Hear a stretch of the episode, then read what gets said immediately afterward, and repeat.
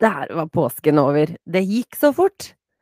Det gikk så fort, og det, vi hoppet rett inn i sånn her eh, et sånt eh, Hva heter det NRK-programmet hvor man får leger og vanlige folk skal konkurrere om hva slags sykdom en person har? Det føltes ut som at det var det programmet vi holdt på med rett før uh, vi gikk på lufta her. For jeg har vært og tatt blodprøve, og du begynte å google alle mulige ting fra de blodprøvene. Så vi hoppet rett fra påskemagi til hverdag, sykdom, diagnostisering, alt mulig rart. Ja, vi, altså helse er et stort tema, det er ikke noe å lure på. Uh, vi har jo Det skal vi snakke mer om i dag, faktisk, for jeg har noe på agendaen, jeg også. Oi, oi. Um, jeg vet ikke, har du lyst til å dele din helse her på poden, Jonas? Blodprøvene min, min helse har jeg vel delt på poden her mye. Jeg, jeg, sliter jo fortsatt med hodet, men jeg er jo på bedringsvei. Nå kan jeg begynne å trene, så det er bare så synd at den lille treningen jeg kan gjøre, er sånn styrketrening hvor jeg ikke blir ordentlig sliten og ikke Eh, ikke bevege hodet for mye. For alt jeg har lyst til nå, er å komme meg ut på sykkelen i sola og bare cruise av gårde bortover landeveien. Åh, ikke, det var så deilig. Ikke begynn for tidlig. La det gå sin gang. Og, og du, hadde jo, du, hadde jo, veldig fine blodprøver med noen få små unntak, som visstnok er ganske vanlig. Eh... Jeg var tydeligvis for høy på jern. Og det trodde jeg ikke gikk an. Altså, Jern og D-vitaminer er sånne ting jeg bare har fått for meg gjennom hele oppveksten. Det er det du får for lite av. Sørg for å få i deg mm. jern, sørg for å få i deg D-vitaminer. Nei da, jeg klarte å gå høyt over lista på jern. Så et eller annet har jeg fått til. Jeg prøver å si til deg at du spiser altfor sunt. Dette her er jo veldig sånn definisjon av at eh, blodprøvene dine sier du har vært altfor sunn. Fordi eh, du spiser f.eks. ikke smør eller majones på brødskiva, som er helt hårreisende. Eh, du, du, du, spiser veldig, veldig, veldig sunt. Helst ikke dressing i salater. Ingen eh, dressing, ingen sauser, ingenting. Så her har du så... massivt potensial til å kline til litt og begynne å spise det som faktisk er godt. Så du, du, prøver å sende meg ut på en motsatt helsekur ja. nå etter påske? ja, jeg tenker sånn. Mer prosessert mat. mer salter og sukker. Det er nydelig. Eh, det du kaller en McDonald's og dressing eh, ja. Mer meny. indisk, mer pizza, mer Altså, mer av alt. Åh, altså, det høres ut som et nydelig liv du sender meg ut på. Ja, og du har for mye jern, og vi kvinner har veldig ofte for lite jern. Eh, jeg vet ikke hvilken sammenheng det er, om det er fordi vi blør en gang i måneden eller ikke, men eh, det er Vi, vi må eksempel spise jækla mye jern for å komme opp i normalnivåer. Så det er Kroppen er rar, altså. Angående blod, Irma.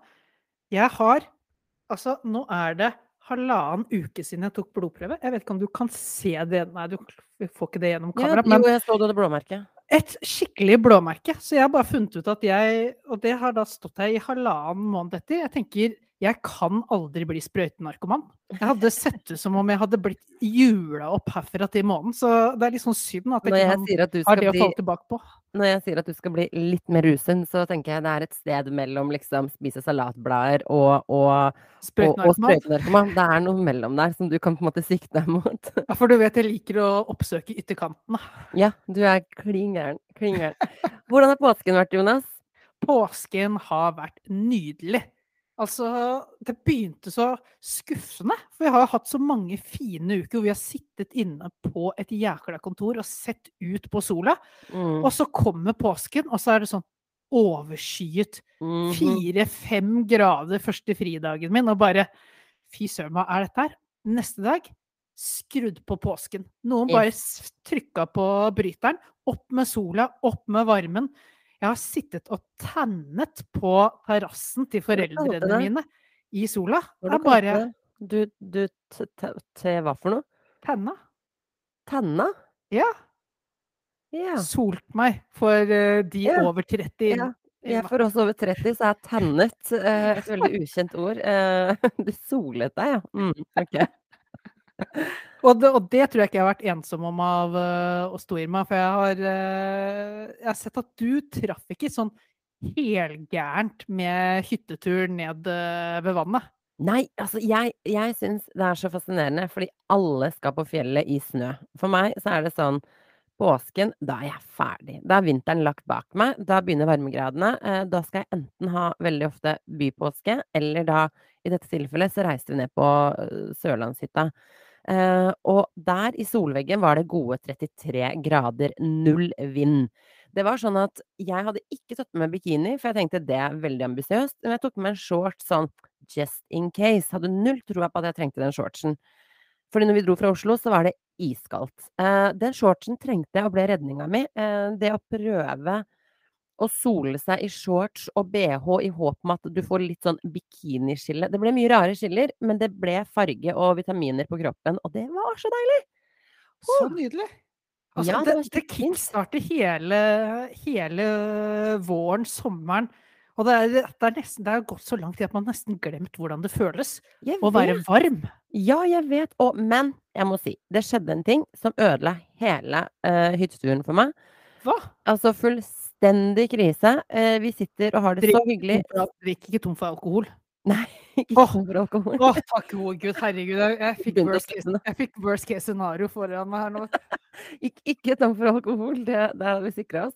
Uh, vi sitter og spiller på kvelden, spiller amerikaner selvfølgelig, som seg hører og bør på Åh, Oh, elsker amerikaner. Du må alltid overmelde. Alltid overmelde i amerikaner. Du blir, du blir så dårlig tatt imot, du blir så hatet, men det er måten å vinne på. Jeg kan avsløre at jeg vant én av to runder. Eh, den andre runden vant min svigerfar, men det var på håret. Det var nesten, nesten så jeg mistenker juks. Eh, så, men vi trenger ikke å ta opp de, det nå, for å si det sånn, for da blir det dårlig stemning. Ja. Det høres ut som noe, noe som kommer ut øh, ved neste anledning. Ja, og, men her er det som skjer. Vi sitter og spiller, og jeg driver og liksom vingler med beina under bordet. Og under bordet, så, altså det er sånn svært, eh, tungt trebord. Eh, og på et eller annet tidspunkt så drar jeg beinet langs liksom treplanken under. Og kjenner en sviende følelse, fordi da har jeg fått verdens minste, men vondeste og dypeste flis rett under beinet. Og for de som kanskje ikke har fått flis under beinet før, så er under, Under foten foten. Det er veldig sensitivt. Det er sensitivt område, ja. Det er jo det er en grunn til at, det grunn til at hvis man liksom Når du skal kile små barn Så du er jo under føttene, det er jo der Mhm. de reagerer. Og dette sier jeg, kommer ut sånn veldig dramatisk hyl, og jeg bare Au, jeg har fått flis! Hvor svigerfar sier sånn Jeg kan, jeg, kan ikke se, jeg, jeg kan ikke se for meg at du var dramatisk i det hele tatt. Dette Det var her, veldig dramatisk. Mal bilde, mal bilde. Jeg er sjokkert. Ja! Foten pulserer. Og jeg sier jeg har fått flis. Svigerfar sier det kan du ikke ha fått. Det, det er ikke Det bordet her er jo ikke sånn flisebord. Og så er jeg sånn Jo! Altså, det var ingen som trodde på meg, så jeg fremsto som hun gærne som lagde en big deal av en ikke-eksisterende flis.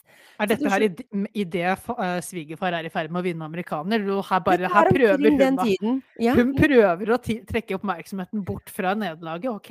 Eller kanskje de benyttet seg av min krise til at han vant. Det er ikke godt å si. Um, men jeg går under bordet, krabber ned, kjenner etter. Han har helt rett. Det er helt glatt der. Det, det er ikke mulighet for flis der. Men jeg har fått flis.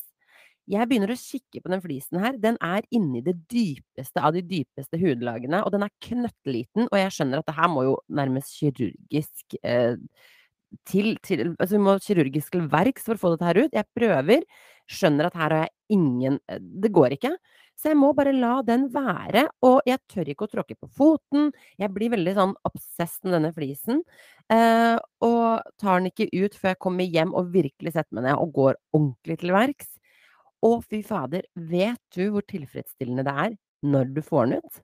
Altså- vet du hvor lykkelig jeg var når jeg til slutt klarte liksom etter 100 ganger med den pinsetten, ikke sant, og foten begynner å bare verke vondt, liksom. Det Eh, ser ut som at det er en uh, fugl som har pekket på den foten din. For Ja. jeg må stikke, stikke, stikke, og så til, ja, Men jeg merker den gang du følelsen stikker, så er det vondere, ikke sant? Det er jo kjempevondt hver gang. Du, Men du den følelsen, når du, den følelsen når du får tak og merker at flisen går Åh, ut av foten Jeg Åh, så nydelig! Ja, så jeg fikk den jo til slutt. Men eh, liksom, ferien ble veldig påvirket av flisen, det må jeg jo si, Ja, mens jeg solte meg der. jeg tipper minst like mye for de rundt deg som for deg selv.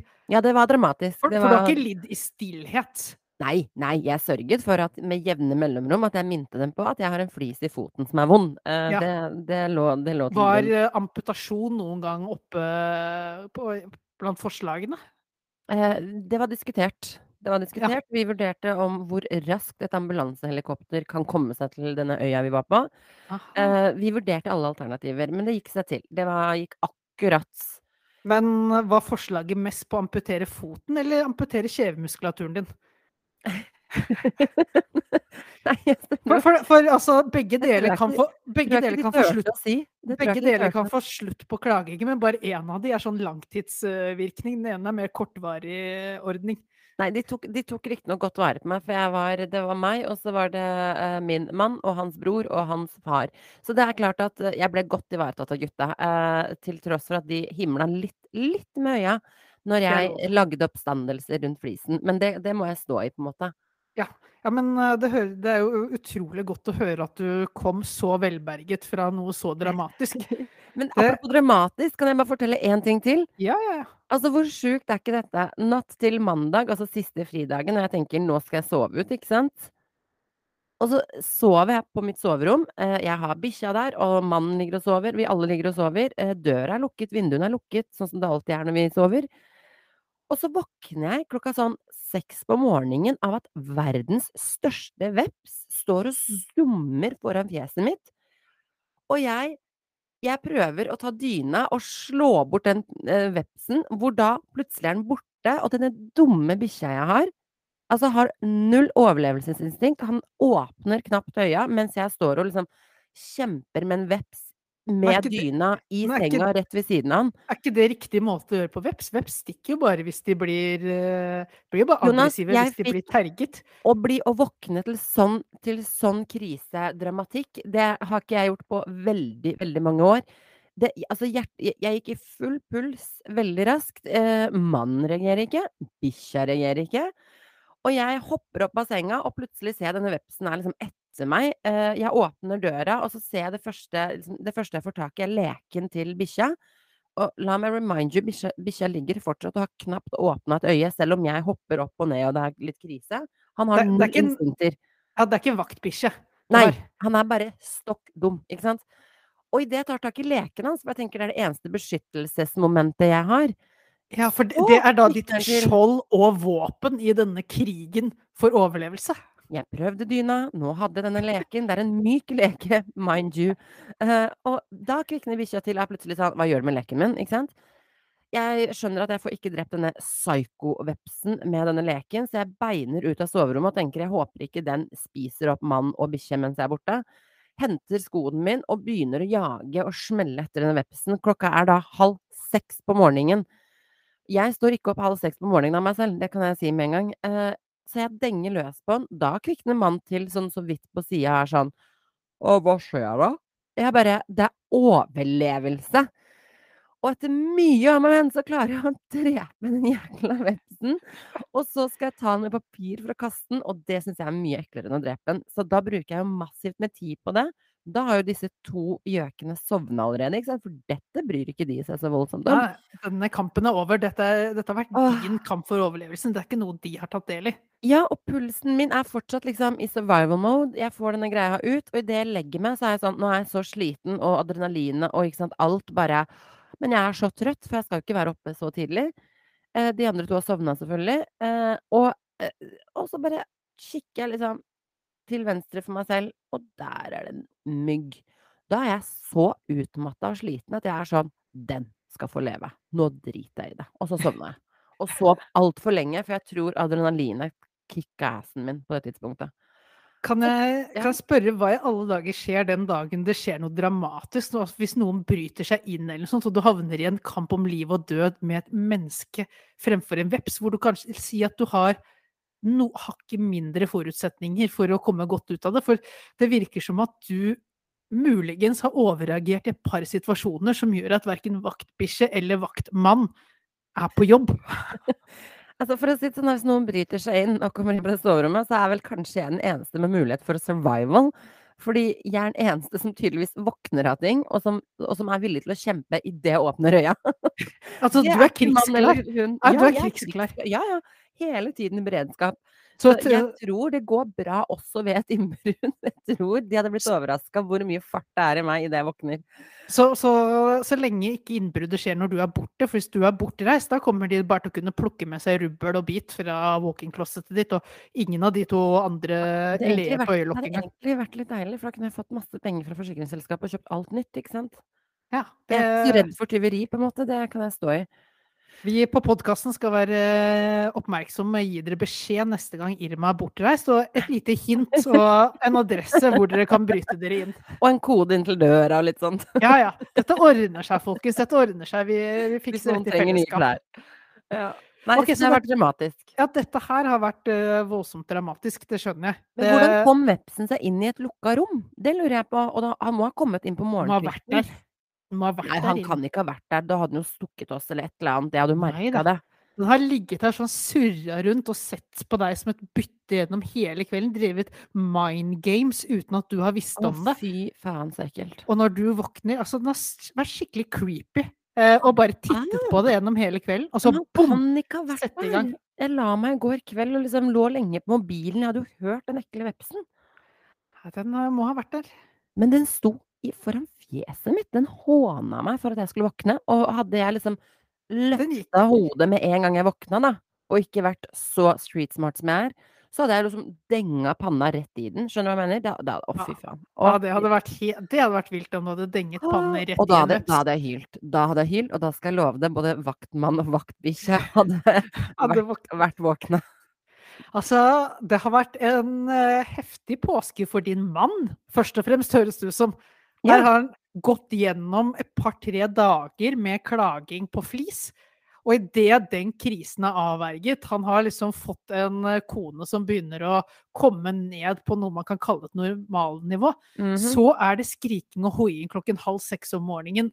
eh, Fordi hun har en kamp på liv og død mot en dødelig veps. Ja.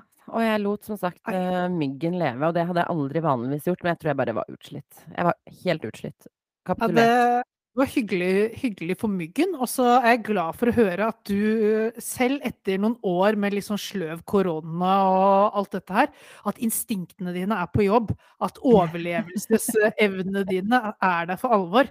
Uh, Det gjør godt for meg som venn å vite at eh, det er såpass, og så skal du vite jeg eh, Neste gang, hvis, du, eh, hvis jeg er i nærheten av deg, neste gang du slåss mot en veps, så skal jeg ta ditt parti. Takk skal du ha. Takk skal du ha. Så anyhow, men nå er det godt at påsken er over, at vi kan gå tilbake til litt normalen igjen.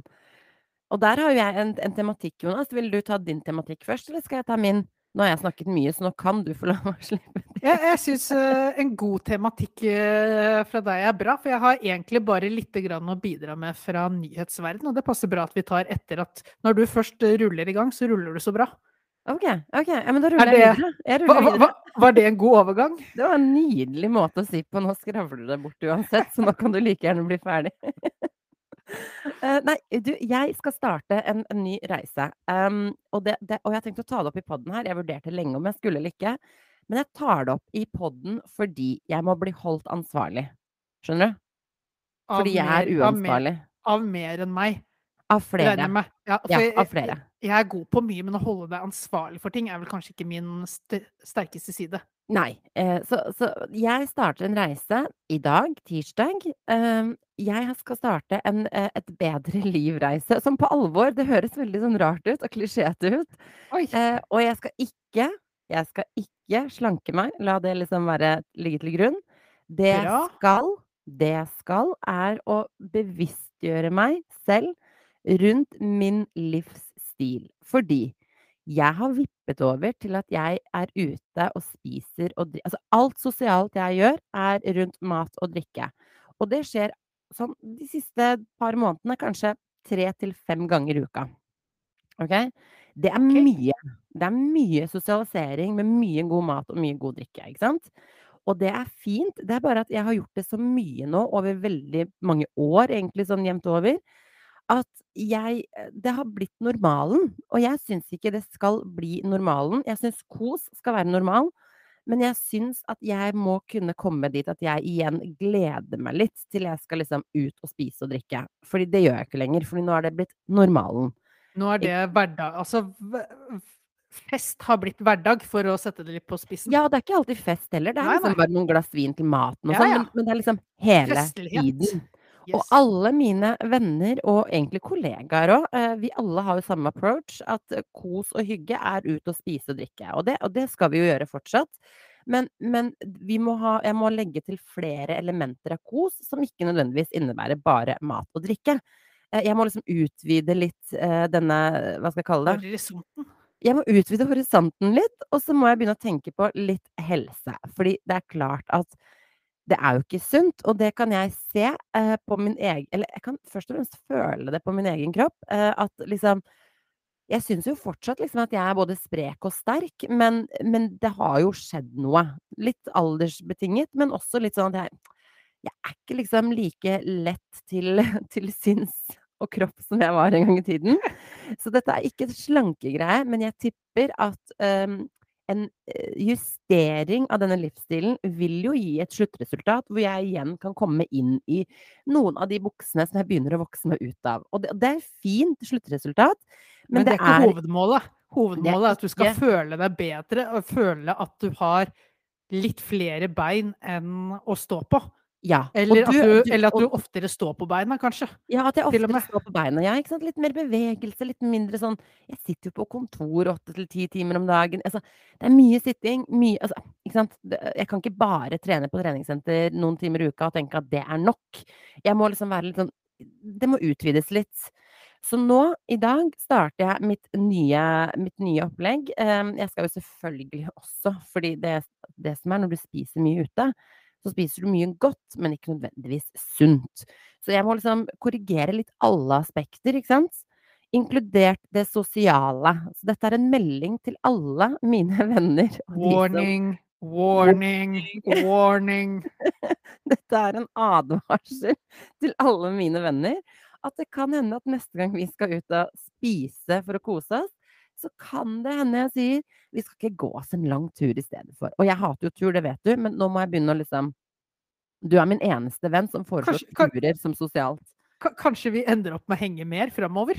Sannsynligvis. Jeg tror alle de andre vennene mine kommer til å være sånn: "You're on your own." Ikke dra oss med ned. Det er you do you, Ja. we do us. Ja. Ja. Så jeg tror du blir forblir min eneste venn i dette løpet. Og dette skal jeg Det jeg kommer til å slite litt med, er at eh, jeg skal jo ikke slutte å gå ut og spise, jeg skal bare korrigere. Dette Eh, er jo til og og med en del av jobben din, så du kan jo ikke Nei, nei, nei, nei, heller. jeg må jo ut og spise, men det det må liksom begrenses litt, og så må det så og så må jeg på en måte ha mer av av den bevegelsesbiten. Men da Og du da er det jo viktig at du finner noe du finner glede i også da, Irma. At det ikke bare er sånn der vi går en tur for å gå en tur, fordi da gjør jeg det riktig. Da må du finne en glede i å gå en tur, eller du må Ja, sette deg noen mål eller et eller annet. Jeg har satt opp liksom ting jeg hater, ting jeg elsker. En av de tingene jeg elsker, eksempel, det er å gå i sola, eh, gjerne aleine med sånn favorittmusikken min på øret. Eller Så deilig. Bare i sin egen verden. I sin Vandre egen rundt. Å, så deilig. Det blir litt sånn hjernehvile, eh, og det blir liksom kroppsbevegelse, og det blir liksom litt alt i ett. Og så tenker jeg jeg skal begynne å gå litt mer til jobb og litt sånne ting. Det bare krever litt mer planlegging, og det er det jeg hater, så det er den biten som kommer til å koste meg mest. Men så bra. Um Altså, vi to jobber jo omtrent på samme sted. Vi kan jo Ja. gå hjem sammen eh, ganske ofte. Ja, det kan vi, men jeg med med en gang. Det er sant, så kanskje det er det vi skal ha som mål, det er å gå hjem, fordi det er mye mer oppover også, så det Mer oppover, og så er det en fin måte å gå over fra jobb til eh, å kjøre en sosial greie før man Ja, tar liksom kvelden for seg selv. fint da. Da gjør vi det. Det var smart. I'm down. Så det er i hvert fall greia jeg skal holde Jeg, på med. da, da har jeg hoppet på. Da, da får man uh, oppfordre alle dine øvrige venner også til å, å se sitt snitt. Til Jeg å utfordrer alle de som tilbringer tid med meg, til å invitere meg med på gøyale aktiviteter som en erstatning innimellom, uh, mellom mat og drikke. Og det tror jeg faktisk vennene mine har godt av også. Vi har blitt vi har blitt en mat og drikkegjeng, altså. Irma er veldig god på tennis, og etter den her eh, vepsehistorien så er det tydelig at de her eh, slagene dine, de sitter like godt som Ja, eh, tennis tidligere. er dritgøy! Tennis er dritgøy. Og så tennis er dritgøy, og så er det jo altså det er jo mye annet vi har gjort før. Volleyball, sandvolleyball er jo kjempegøy. Nå begynner det å bli varmt nok etter hvert til det. Nå er sesongen inne. Jeg tror dette her Jeg tror for en timing på dette her. Det er jo Ja. helt riktig. Nå som sola dukker opp, varmen kommer. Ja. Nei, dette her eh, Dette kommer til å bli så bra. Du kommer til å kose deg verre. Ja, det tror jeg også. Så dette her blir fantastisk. Ny livsreise. De som kan, vil og ønsker, kan joine meg i, i sitt tempo. Men nå skjer det. Fra og med i dag er det full stopp. Jeg må bare finne ut hvordan jeg skal um, ikke um, ta et glass vin hver gang. For det koser jeg meg veldig med. Og jeg tror hvis jeg, hvis jeg ikke gjør det, så tror jeg alle rundt meg kommer til å være sånn Er du syk? Er det noe galt? Ikke Ja, sant? men eh, du, du har i hvert fall fastslått med dine holdninger og dine klare meninger om livet at du får ikke så mange spørsmål om du er gravid. Og det skal du være fornøyd med. Det er det mange andre som sliter med hvis ikke de tar seg et glass vin. Ja, jeg Altså- tror altså, den har vi lagt bak oss. Den har vi lagt bak oss. Men det er jo å kunne ta et glass vin er ikke noe gærent. Men eh, det er som du Nei, sier men at ikke du hver bare gang. Ikke hver gang. OK, men da, da kan du bare si det rett ut. At uh... Jeg, altså, hvis jeg sier sånn Jeg prøver å kutte ned på alkohol, så tror folk at jeg har et drikkeproblem i tillegg. Det, altså det, å, det blir så mye greier. Å, jeg hører Nei, men uh, du kan jo bare si at jeg prøver å kose meg med andre ting enn bare alkohol. Jeg, får, jeg Du- kan du du Jeg kan finner ut at du- si jeg, har en hvit måned eller noe sånt. For det, En- det er akseptabelt. Enten så finner du ut av det, Irma, eller så gir du etter. Det er én av to. Nei, det, jeg, må, jeg, må, jeg må lære som jeg går. Det blir litt av læringa, det. Så det, jeg finner ut av det. Jeg holder dere oppdatert, i hvert fall. Eh, Så tror bra, at du, så bra at du skal gjøre noe som med en sånn positiv virkning. At det ikke er noe sånn 'nå skal jeg slutte å ha det ålreit', men nå skal jeg ha det Gud, nei. minimum like ålreit, bare med litt mer variasjon enn jeg har hatt tidligere. Ja, jeg er bare for bortskjemt blitt, og det må justeres litt for at jeg skal finne tilbake til den gleden med mye av de tingene. Så det kommer til å gå kjempefint. Og så tenker jeg eh, også veldig sånn eh, Vi lever liksom, hva da? Best case 80 år. Eh, 80 år er ingen tid i det store bildet. Jeg har ikke tenkt å gi meg selv massivt med begrensninger, og det syns jeg ingen skal gjøre i sitt liv. Men korrigeringer, ja. Det er lurt. Nå har vi korrigert inn sånn at jeg står utenfor eh, hos deg med en ordentlig burger i hånda. Dytter i meg dette fettete, fæle greiene mens du ser på, og så går vi en tur sammen. Ja, det hørtes ut en hyggelig plan. Da har vi justert oss begge to. Så det var det. Det er det jeg hadde. Nå, Jonas, hva skjer i nyhetsbildet? Nå skal jeg provosere deg.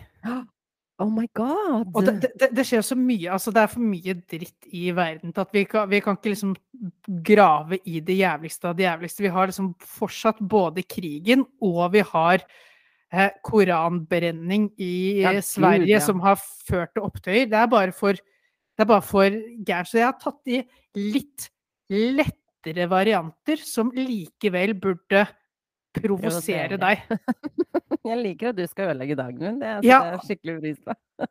Jeg tenker Hvis ikke vepsen eh, tok liksom stinget ut av deg, så må vi i hvert fall jeg kunne terge det opp litt ytterligere. Jeg har nemlig sett, For å starte der først, der, så så jeg det er egentlig en sånn nyhetssak som har gått hele uka, som jeg tror faktisk har blitt plukket opp av alle nyhetsbyråer i Norge. Og jeg bare har tenkt herregud, for en dustesak. Men så har jeg tenkt aha, jeg lurer på hva Irma sier om denne saken her. Og det går ut på at russiske influensere, Irma, de har begynt å brenne sine designvesker. Chanel-veskene ja. sine brennes. Og du er jo den jeg kjenner som har investert den største delen av din formue i Chanel.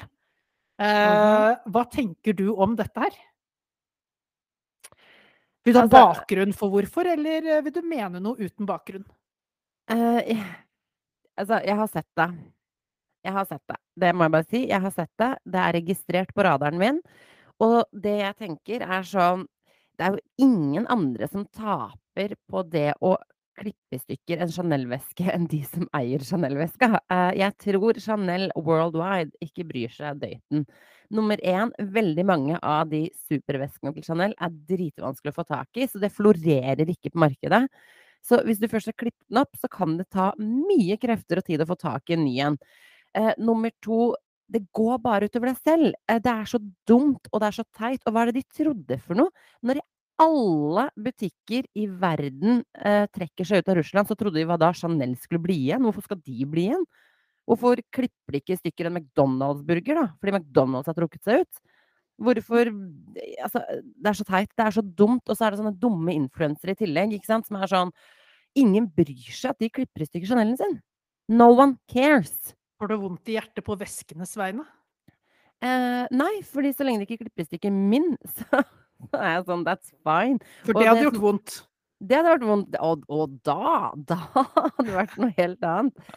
Men det er litt sånn det er, sånn, det, er ingen, det er virkelig ingen som bryr seg at de klipper i stykker Chanel-veskene sine. fordi på dette tidspunktet her nå, så har ikke russiske influensere som er sinna på verden, noe stemme egentlig ut der. Altså, alle har trukket seg ut. Det er ingen igjen i Russland av de store internasjonale merkene. Så, så i så tilfelle må de løpe rundt og klippe og brenne opp eh, alt av produkter og kaste Kanskje de skal kaste iPhone de driver og filmer med, da? Kast den i til sjøs, da. Altså, Ei, ei, da forsvinner hele livsgrunnlaget deres. nettopp. Så det er jækla selektivt. Men Dessuten, dessuten dessuten så sier ryktene, la meg ha det sagt, så sier ryktene at de klipper i stykker veldig mye fake Chanels. Bare for, Oi, å oi, oi. skape, bare for å skape en wow-faktor. Jeg tror veldig mange av de, eh, de de- Chanel er ikke noe du kjøper deg bare sånn løpende. Det er noe som koster mye penger og er vanskelig å få tak i. Så mange av de har nok klippet fake Chanels opp, fordi det kan ikke du nødvendigvis se på en video hvor fake den er. Altså, se der. Det er derfor jeg tar det opp med noe med innsideinformasjon, sånn at vi får litt kjøtt på Mhm. beina her. For det som er litt spesielt, er jo at uh, det er ikke bare i Russland de ikke lenger selger Chanel. De har sluttet å selge Chanel til russere i andre land òg. Så jeg leser mange, mange russere drar jo eh, Når vi er inne på moralske høyborg, de drar jo til Dubai for å handle luksusvarer. Og der har de også fått beskjed om at du er russisk. Det eneste måten du kan få lov til å kjøpe eh, våre produkter på her, er ved å skrive under på en kontrakt at du ikke skal bruke de i Russland. Men det kan tenkes altså Nummer én, jeg er jo veldig anti sånn diskriminering av, uh, av mennesker. Og vi vet jo alle sammen at russere i seg selv er ikke, er ikke fæle folk. Eh, Dette, denne krigen her er mye mer kompleks enn som så. Eh, Mer men det kan- politisk. Men det kan tenkes at hvis, du, hvis det er en trend hvor russere eh, klipper i stykker veska di, at du kanskje kvier deg litt for å selge vesker til russere fordi du er litt redd for at det skal kun bli brukt tilbake mot deg. Det kan være en greie. Eh, på samme måte som sier Rolex, eksempel. Når de selger klokkene sine, eh, så selger heller ikke de til hvem som helst de der supermodellene sine. Hvis de ser at du har lagt den ut på Finn til videre salg, så vil du kunne bli svartelista til å ikke kunne kjøpe Rolex igjen. Og det er for å beskytte merkevaren, ikke sant? Og så kan det også tenkes grunn nummer to til at Chanel ikke eh, bare ukritisk selger til russere. Det er fordi det er veldig mange av disse oligarkene og barna deres og sånne ting som også er svartelista i verden, fordi de er store supportere av Putin. Det kan tenkes at merkevaren ikke vil knyttes til det. Eh, nå bare kaster jeg ut teorier. Jeg vet ikke. Altså, Men jeg skjønner de, jeg skjønner at de er skeptiske når liksom trenden er at de klipper opp veskene. Og la meg si det sånn, da. Noen av de veskene ser ut på de filmene som de er veldig lette å klippe over. Vet du hvordan det er å klippe over x antall centimeter tjukt eh, skinn? jeg Det si er nei. ikke så lett. Nei, det er ikke så lett som noen av de filmene man kan se. Det ser ut som de bare klipper over et papirark, liksom. Så ja. Nei, det er mye grums. Merkelig nok så hadde du en del meninger om dette her. Det var eh, overraskende. Klart jeg har meninger. Jeg Ja. lever jo bare av å ha masse meninger. Og derfor så tenker jeg den andre nyheten jeg har tak i, som også skal provosere deg litt, det spinner litt videre på det vi snakket om i forrige episode. Ja. For da, da slo jeg slag for å kaste ut påsken. Beholde de røde dagene obligatorisk fri etc. med å kalle det en vårferie. ja. Noe av det da som gjør at når vi har påskeferie med disse røde dagene, så har vi jo også det som kalles helligdagsfred. Så du kan eksempel, du kan ikke gå ut og holde på med alt mulig av maskiner som bråker til for naboene. Da kan de klage deg til politifirma. Ja. Eh, og det er kanskje ikke noe vi møter altfor mye av på den eh, delen av landet hvor vi bor, men nede på Sørlandet i herlig, herligste bibelbeltet i Grimstad, de har jo fått et fotballag som har rykket opp til Eliteserien. Eh, og de Ja. skal spille kamp de spilte kamp nå på mandagen i påsken. ja. Så naturlig nok så har de forberedt seg og trent litt gjennom påsken. Men da er det noen som har reagert så det synger etter. ja. Eh, og det er Anne-Brita Tore. Eh, merkelig nok så sitter hun i Grimstad menighetsråd. Hun reagerte på at dette laget de trente altså på søndag i Ja. kirketiden. Oi. Hun var klar over, hun hadde ikke noe problem med at de trente, skjønte at de måtte holde på med det, men hun stusset voldsomt på at det var i kirketiden. Hva med de stakkarene på laget som ville gå i kirken? Oi. Hvorfor lage støy? Hvorfor hoie, herje, trene, skrike, klemme midt under en kirketid? Dette her syns hun var ekstremt provoserende, å måtte gå ut i lokalavisen for å mene og synes om dette her. Ja. Ja, nei, altså jeg skjønner jo at de fem menneskene som er i kirka i påsken, eh, blir eh, veldig eh, forstyrret av, av at folk eh, støyer utenfor og gjør helt andre ting. Ja, har til og med langfredag, det var ikke søndag. Jeg må trekke tilbake, det var langfredag, Irma. Langfredag! Nei, det går ikke an. Det går ikke an. Nei, de må fengsles. Det er ikke noe annet å gjøre. Det er vi, vi eh, må klippe i stykker ballen deres. Er liksom Men du, det er gøy at du sier altså, det, der, er- det, der, er- det der er jo bygda på sitt beste, ikke sant? Man skal bli sint for et eller annet, hva som helst gjerne. Eh, yes. og og, og det, det er veldig fascinerende at du dro opp det temaet der, fordi jeg havnet over Jeg har jo Erna Solberg på Instagram. Eh, Ja. Og hun har lagt ut da? Hun legger ut veldig sånn joviale Instagram-poster nå som hun ikke er statsminister. Som norske politikere er nesten programforpliktet til å gjøre, om de ønsker å være norske, program, eh, norske politikere i fremtiden også. Oh yes. Og hun har lagt ut Dette har jeg gjort i påsken. De har da malt eh, soverom og gjestedo eller et eller annet sånt noe. De har malt, i hvert fall gjort litt eh, oppussing. Og så avslutter hun innlegget med å skrive liksom Hva har du gjort i påsken? Uh, hun skriver noe så fint som at uh, vi har liksom jobbet litt, eh, malt litt og veldig fornøyd med nye bla, bla, bla. Uh, og så har vi spilt litt spill og liksom hatt det hyggelig. Og så ser jeg kommentarfeltet hennes, og det er sånn Hvis dette er representativt for det norske folk, så, så kjenner jeg liksom Kjenner jeg at vi må ta en oppgjør med oss selv. Mister du litt nasjonalfølelsen av å lese kommentarfeltet der? Ja, jeg er liksom sånn Snart er det 17. mai, kanskje. Fordi um, en skriver Det går veldig mye igjen av samme type kommentar som denne. Påsken er til for å feire minnet om Jesu lidelse, død og oppstandelse. Skriver en. Ja, så, så da har vi fått med oss at det er én person der ute som i hvert fall vet hva påsken dreier er seg om. Det er flere, for fordi dette er en av mange kommentarer, eh, og som, som liksom som minner oss om hva vi egentlig skal bruke påsken til. Så liksom kritikk til Erna, som har gjort noe helt annet enn å sitte og minnes om Jesu lidelse, død, oppstandelse. Eh, neste gruppe er veldig opptatt av at hun har malt soverommet sitt i liksom mørkegrått. Eh, det er jo veldig lite positivt. Eh, det er ganske negativ farge, liksom. Det er spesielt. Eh, og tredje gruppe er, ref det du snakket om, veldig opptatt av at det er passe frekt eh, å jobbe i påsken. Påsken er for hvile og da minne om Jesu Kristu something something, ikke sant? Så hun får jo gjennomgå eh, i dette til kommentarfeltet, for å, ikke bare er fargene dumme og teite, men hun, altså, hun er for dum til å forstå hva påsken handler om, og Hun har brutt Ja. helligdagsfreden. Det er høytidelig, alvorlige greier, Irma. Ja, sånn som for eksempel eh, jobbe i påskehøytid? Spørsmålstegn. Altså bare Ja. Altså det er Jeg blir litt sånn Jeg blir litt sånn Ja. Men det Er ser, det ut som, det ser ut som noen av de, en del av de kommentarene er slettet, faktisk. For nå, nå har jeg gått tilbake nå for å finne tilbake til de, så ser jeg at mange av de er borte. Så Det det er er, nok like noen, det er nok noen av disse bibelbeltefolka som har vært kanskje litt for verbale i kommentarfeltet. Kan vi ikke Så- da oppsummere det hele litt med eh, kommentaren som treneren til dette fotballaget ga til lokalavisen? Da? For jeg tenker at han, han, han tar én på kinnet her, og så Mhm. vender han det andre kinnet til, sånn at han får fart med den ene hånda til å bare hente en bitch-slap eh, som han leverer rett tilbake på, Er det en deilig bitch-slap? Ja, Han- kjør. Han sier dette her. Det er noen som lever i sin egen verden. Det er null aksept for mennesker som er annerledes, eller som har en annen legning. Hvor er nestekjærligheten og forståelsen for at noen er annerledes?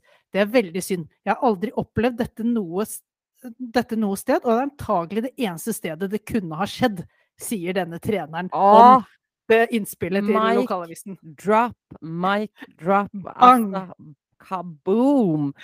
Ja, du som er så opptatt av nestekjærlighet, er jækla kjapt ute med å dømme alt og alle, og det er jo det som er så deilig med religion. Ja, At i religionens navn så kan du være akkurat så dritt du vil, så lenge du kan liksom rettferdiggjøre det i navnet av et eller annet guddommelig. Samtidig så bryter, du- eh, driver du med dobbeltmoralisme fordi du bryter alle Guds ord på egen eh, selv også, ved å dømme andre, ved å ikke ta tak i seg. Ja, men Det er, er det noen som er dømmer andre, så er det vel uh, bibelbelteverden, Så er det ikke til grader. Det er fordømmelse. Det er fordømmelse og dømming. Yes. Apropos det, eh, det der vi spurte jo i forrige episode eh, om folk visste hvorfor, eh, hvorfor vi feira påske. Jeg la jo ut på Instagram en poll, og så kjære lyttere, vi legger også nå Når dere trykker dere inn på Spotify for å høre podkasten vår, så kan dere bla litt lenger ned. Så vil dere se at det vil dukke opp sånne polls hvor dere kan stemme eller mene noe. Så eh, husk å gjøre det mellom slaga. Eh, vi legger ut en ny poll i dag også. Ja, denne gang så tenker jeg vi skal legge ut poll eh, Er du interessert i fortsatt å være Irmas venn? Og så både sånn Både ja, selvsagt, men ja, men jeg er ikke villig til å tilpasse meg hennes nye liv. Eller eh, nei, nå får det pokker meg være nok. Ja, nå har, nå har hun gått over streken. Ja, Yes. så, og den pollen blir kjempeviktig for meg og min reise videre og selvtilliten i den reisen. Så fint om du tar deg tid til det. Men eh, svaret på forrige polls, da vi hadde to rettstilfeller, en på Spotify og en på, en på Instagrammen min, var akkurat som jeg sa til deg. Hvis jeg spør folk med et liksom, ja-nei-spørsmål, så uh, vil alle svare ja. Hvis jeg har et åpent spørsmål hvor de faktisk må skrive hvorfor vi feirer påske, så vil ingen svare, fordi ingen vet det. Fordi de ikke vil bryte helligdagsfreden med å gjøre slikt arbeid. Nei. Vi må, vi må ta, ta det slik at alle som har svart, vet om påsken. Nei, altså som ikke har svart, vet om påsken, vet om helligdagsfreden, har valgt å ikke bryte den for å svare deg. Av de ca. 400 eller et eller annet som så den pollen på min Instagram, uh, så var det én som svarte. Ja, det var snikskryt. Eh, så var det én som svarte, og han svarte noe sånt som ja, et eller annet Jesus, et eller annet. Det var det. Alle andre hadde sett dette her, valgte å ikke svare. Vet du hvorfor, Jonas? Fordi de vet ikke. De vet ikke. Så, så, du, så du har idiotforklart 399 og et halvt menneske, i og med at han eh, som svarte, ikke ga et fryktelig godt svar også? På- Nei, jeg, jeg, jeg ga dem ikke noe svar, for jeg syns ikke det er så viktig at vi vet hvorfor vi feirer Nei, nei, nei, nei du, er, du, er, du er idiotforklart de, men også frikjent de, for du vet jo ikke så godt sjæl heller. Nei, jeg vet. Nå, nå har jeg lært via Erna sitt uh, Erna sitt uh, Det er, det er utrolig hva man kan lære på Instagram sånn. òg, da. Det er Ja. lidelse og sånn. Det er lidelse og sånt. Veldig bra. Så, og vi alle har jo lidet mye nå i påsken, så det henger på greip. Ja, du med flisen mer enn noen annen. Yes. Jeg har, eh, jeg har minnet jeg har, jeg har tenkt mye på Jesu på korset Ja, jeg, i den tiden. det har vært omtrent like mye oppstandelse rundt din skade som det var på han på korset, i hvert fall. Det er jeg sikkert og visst. Ja. Nei, det var det. Eh, skal vi runde av dette her, da, så kjøre en sånn uh, bitte liten Formel 1 Formula snutt på One. slutten? Ja, vi skal rett over til Formel 1, fordi nå er det litt sånn opp, oppkjø, oppkjøring til helgens løp. Så for alle dere som eh, vil høre mer om Formel 1, stay tuned. For til dere andre, takk for at dere igjen lyttet på vårt fjas. Eh, og husk å stemme på Spotify eh, når du går inn for å høre på podkasten. Formel 1, Jonas.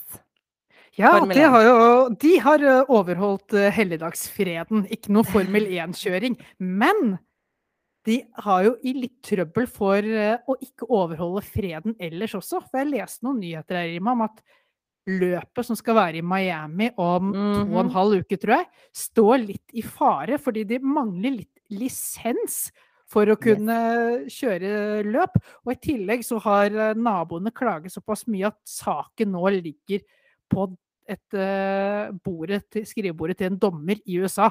Så Mhm. det er faktisk ikke sikkert det blir Miami likevel. Jeg mistenker at det blir Miami. Eh, jeg tror Det blir alltid, sånt løser seg alltid der. Det er Ja, USA. altså, mengden penger Miami som eh, stat tjener på å ha Formel 1 der, er så mye større enn de få naboene som er sånn Det blir så mye støy den ene helgen i året. tror du ikke bare eh, kompenserer de på en eller annen måte. De får, de får noen eh, Nei, jeg tipper de dollar eller noe sånt, og så Jeg holder de tipper de kjeft, er bare. Kan du ikke bare reise bort den helgen, liksom? Altså, må du være da hjemme i ditt hjem den helgen hvis du syns det er så jækla støyete, eller ta del av moroa? Det er snakk om en helg, et helt år, hvor eh, liksom du og dine naboer og alle rundt Du kan leie ut leiligheten din for shitloads av penger hvis du bor i nærheten. Altså, lugna deg ned. Altså, Dette kommer fra dette kommer fra en som hadde tatt det pent og pyntelig hvis eh, den årlige birøkter- og vepsefestivalen hadde blitt lagt til Storo. Det hadde vært null problem. Nei, men altså, seriøst, det er alltid noen sånne Karens som skal liksom «Øh, 'Jeg orker ikke, det er så mye støy'. Ja, det er det. Get over it. I motsetning til alle disse motorveiene og alt annet fjas og skytingene som skjer i Miami. Altså, get over it. Jeg orker ikke engang. Det kommer til å bli noe av det, er jeg nesten sikker på, for jeg tror Um, staten uh, Florida og Miami som by, uh, der er det nok en rekke politikere som syns det er litt stas å få dette her inn i byen. Så jeg tror det går helt fint, jeg. Men før den tid så skal vi jo til Emilia Romagna og Imola-banen. Ja. Og det er deilig. Jeg, jeg, altså jeg likte når vi var tilbake i Australia, for vi har diskutert dette her. Disse her eh, stedene som har kjøpt til seg løp de siste årene. Mm. Eh, moralsk, alt mulig rart. Kontra disse løpene som er på litt ærverdige baner med historikk, med fans på tribunene. Eh, Mm. jeg, det, så jeg likte jo at man var tilbake igjen i Melbourne, og nå er vi i Italia, på Imola-banen. Dette her kommer til å bli en nydelig helg.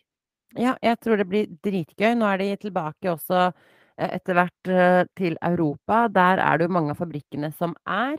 Eh, Jeg tror det kommer til å skje mye forandring med hvilene, det har vi snakket om, og det er jo bra. Jeg så også en artikkel om at eh, Veldig merkelig overskrift, egentlig. Sånn 'Hvem skal erstatte Louis Hamilton?'-type artikkel. Ja, så jeg nå også. Og jeg bare Så tenkte jeg det her må jeg jo se. Det er da ingen tegn på at han kommer til å liksom stoppe midt i.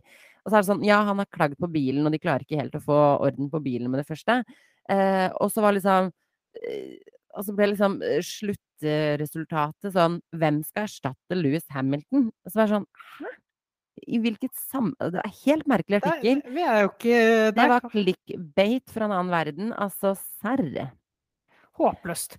Men det som, er, eh, det som gjør meg litt sånn ekstra spent og ekstra gira for helgen, er jo at eh, det er ikke bare løp, det er sprintløp også.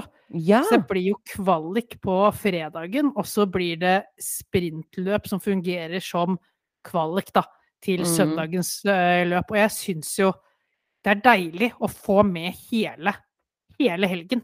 Ja, det blir kjempedeilig. Vi kommer til å få så mye underholdning, og jeg, jeg er dritspent. Jeg burde jo igjen begynt å se på disse treningene, det har jeg bare ikke orket og giddet. Men uh, Vi er der, vi er ikke i gang ennå, Irma. Du har, uh, dette kan være en av livsstilsendringene dine også. Få med deg treningene. jeg tror ikke jeg skal gape for mye over disse livsstilsendringene. Jeg tror jeg må ta én ting av gangen. Nei, men det, er, det kommer til å skje masse i helgen. Eh, Jeg har en følelse at eh, Charles Leclerc sitter ganske trygt i det. Jeg har skjønt at eh, Red Bull har enda ikke helt uh, funnet ut av problemet sitt. Så Ja, for, for hvorvidt de, de, de durer jo og går med et maksnivå som er skyhøyt, men de må få de her bilene sine til mål. For de begynner å nærme seg veldig tidlig i sesongen og har fylt kvota for, kall det uflaks, da, som man kan ha Ja. i løpet av en sesong hvis du fortsatt skal være med å kjempe om mesterskapstittelen. Ja, og etter hvert så vil de jo få et budsjettproblem også. Vi har jo et budsjettak som skal tas stilling til, og det er klart at hvis du må bytte ut eh, bildeler og store bildeler hvert eneste løp fordi bilen tar fyr eller det er full motorstopp underveis, eh, hvert eneste løp, så vil jo dette budsjettaket nås veldig tidlig i sesongen, og da kan det være nok til at de havner bakerst på listene. Eh, at de må klart- kutte utvikling, rett og slett fordi de må bruke mer penger på bare å erstatte deler. Ja, og det kommer til å være kritisk for dem i så fall. Så det er Jeg håper de finner ut av det. Vi vil jo, jeg vil jo at Red Bull skal være med i et fair eh, race. Vi vil jo aldri at noen skal vinne basert på tekniske problemer. Eller tape basert på tekniske problemer. Eh, men det ser ikke ut som de enda helt har funnet dette problemet. Så spørsmålet er om Perez slash eh, Max kommer seg i mål også denne helgen. Det blir jo dritspennende. Men det er de starter jo alltid sterkt. De De starter alltid sterkt. starter alltid sterkt, men det er klart, eh, når du ser da Ferrari som har dominert så kraftig hele sesongen, og nå kommer de på hjemmebane. Det er riktignok ikke Monza som vel er så hjemme som de kommer, men det er fortsatt Italia, det er fortsatt hjemmebane. Det er jo ingenting som tyder på at de skal falle sammen denne helgen her heller. Nei. Nei, det er ikke det. Jeg tror, jeg tror Ferrari står fortsatt sterkt. Jeg tror ikke de trenger å gjøre så innmari mye mer med de bilene. Jeg tror det er bare å vedlikeholde og keep doing what you're doing. Eh, Holde et øye på konkurrenten, rett og slett. Det er det som er fordelen med å lære i førersetet. At du kan du, kan selv, du må selvsagt drive utvikling og se hvor du har svakheter, men det handler vel også om å holde et øye på hva konkurrentene gjør, og forutse deres neste trekk for å kunne svare på det. For akkurat Mm. nå så holder det, holder det for dem å holde følge med konkurrentene, fordi de sitter Ja. i førersetet. Det er Absolutt. konkurrentene som må finne på å gamble og ta risiko og bruke masse penger av eh, fra dette budsjettet sitt tidlig i sesongen for å ta igjen det tapte. Så de kan kanskje eh, utvikle, men holde inn litt på pengebruken og sørge for at de står sterkt gjennom hele sesongen. Det som hadde vært spennende, er om vi hadde noe oversikt over liksom hvor mye av dette budsjettaket som er brukt. Nå vet ikke jeg om det kanskje regnes som veldig sensitiv informasjon og aldri kommer til å bli Det delt. vil jeg tro. Men, men samtidig så, så, så tenker jeg at eh, det hadde vært jækla spennende å vite liksom hvordan ligger de an. Fordi noen av de har jo Det har vært mye krasjing eh, allerede nå så tidlig, så det er nok mye som har blitt uh, bytta ut. Og apropos krasjing, la oss snakke litt om has. Fordi der har vår gode venn Masepin og hans far saksøkt has for veldig mange millioner dollar. De har det, ja. For de mener at, hold deg fast, de mener at alle investeringene de gjorde i fjor, var jo for bilen i år. Oi. Og siden eh, Has da ikke har opprettholdt sin del av kontrakten, som vil si at eh, da Masepin kjører og de er sponsorer og den biten der, så, så vil de ha de pengene tilbake. Alt som ble investert i bilen som kjører i år. Hvor Has mener at eh, de eh, motangrepet og forsvaret til Has er men av dere så har vi tapt massivt med sponsorinntekter, så dere skal faktisk betale oss x antall titalls millioner eh, for tapt sponsorinntekt. Eh, fordi de måtte jo bryte plutselig, og det tar jo tid å finne sponsorer, og man får liksom Det ble litt Og det hadde, vel, de hadde vel en klausul også om at hvis, hvis det ble gjort noe for å sette sporten og lagets eh, ære i vanry, så kunne man bryte kontrakten. Og det, det, det er vel ikke så veldig mange utenfor Russland som mener noe annet enn at eh, de var i sin rett til å gjøre det. Og jeg, jeg tror ikke Jeg tror ikke de vinner gjennom med det. Nei. Men jeg jeg tror. Masepin-familien er litt sånn skadeskutt. Eh, Jeg tror Nikita Masepin er han Altså i tillegg til at han har hatt noen fryktelige sesonger hvor han har gjort det så utrolig dårlig og måtte stå i veldig mye dritt, så avsluttes det på den måten her som et sånn siste eh, fuck you til han. Og jeg tror den stoltheten han og hans far liksom det, det Russisk stolthet som er såret, det, er Ja. ikke, det blir sjelden pent. Ja, de, altså, de følte i utgangspunktet, som vi så på Drive to Survive, at de hadde ingen venner der. Eh, De følte at de ble motarbeida hele tiden. Eh, og så i tillegg så blir de bare sånn kasta ut på dagen med liksom store overskrifter som forteller verden at de er ikke velkomne i Has lenger. Eh, så det er klart at de er nok skadeskutt, og de vil nok bruke alt det de har igjen av ressurser, da, for keep in mind, veldig mye av pengene deres er nå sanksjonert, er under sanksjoner, vil si fryst. Så de vil nok bruke krefter på å ta igjen mest av stoltheten, tror jeg, om ikke noe Ja. annet. Nei, det, det tror jeg også, så jeg tror det der kommer til å være en sånn derre løpende sak gjennom året. Det kommer til å dukke opp med jevne mellomrom. Det kommer til å ta litt fokus vekk fra Has-teamet, noe som er synd, nå som de har kommet i gang med sesongen Mm. ganske bra og, og trenger å ha fokus på riktige ting. De har en Kevin Magnusson som starter sesongen bra, men som de neste løpene har lidd litt under at han ikke har fått inn forberedelsestiden til sesongen som mange andre før. Ja. Slitt fysisk Trening. Mm. trening. Eh, du har en Mick Schumacher som da plutselig kommer i en posisjon hvor det, han kan forventes å måtte prestere litt. Mm. Eh, ut fra en litt sånn dvale i fjor, og han har slitt litt med å takle det, syns jeg. Så det er et lag som har, har så, mye så mye potensial, da. Men Ja. som, eh, som eh, burde liksom hatt full fokus på det sportslige for å få ut det potensialet, for de får ikke helt ut det ennå. Nei, men det som er fint med dem, det er at de har ligget så sist i rekka at uh, Alt er får Alt er en opptur. Uh, så jeg tror de kommer til å Det er som Gunther sier, hvilket mål har du? Poeng. Hvilket som helst poeng. Han skal bare Ja. ha et eller annet poeng. Og det tror jeg det tror jeg han skal få til i år, både ett og to og flere poeng, eh, i løpet av hele sesongen. Fordi de har vist at de kan, og vi har jo også andre førere, sånn som Sebastian Fettel, som har vært ute med sykdom, som ikke fikk testet de bilene i like stor grad, eh, som de andre førerne. Og det er jo klart det er viktig når du har splitter nye biler med mye barnesykdommer, det å få mest mulig kjøretid, som i utgangspunktet er begrenset hvor mye de får kjørt. Og han får da enda mindre enn det. Det er klart at han, selv om han er en dreven, profesjonell sjåfør, så trenger jo han den tiden i bilene, og det har han ikke hatt. Så man merker jo at han også sliter litt. Så det er liksom Det er litt sånn man har starta litt helt, helt fra scratch, og det er virkelig everyone's game. Jeg har med unntak av Ferrari, så tror jeg det kan bli hvem som helst som står igjen som vinner til slutt, ass. Så spennende. Det Ja, det er er jo bare å glede seg til helgen, rett og slett. Så å benke seg ned, de som eh, liker racing-alvoret mer enn de liker kvalifisering og trening og sånt, de er jo in for a treat. Så jeg regner med at du ser fram til sprintløp og løp, og får mest mulig racing action. Ja, det gjør jeg faktisk. Det blir dritbra, og vi skal selvfølgelig oppsummere neste uke alt som har skjedd. Bare Det er så det er jo så mye som har skjedd, så vi må huske å notere oss litt, Jonas. Det kommer til å være sprintløp og kvalifisering og løp, og det kommer til å være mange elementer, tror jeg. Så inntil den tid, kjære venner, la oss snakkes igjen neste uke, eh, og takk for nå.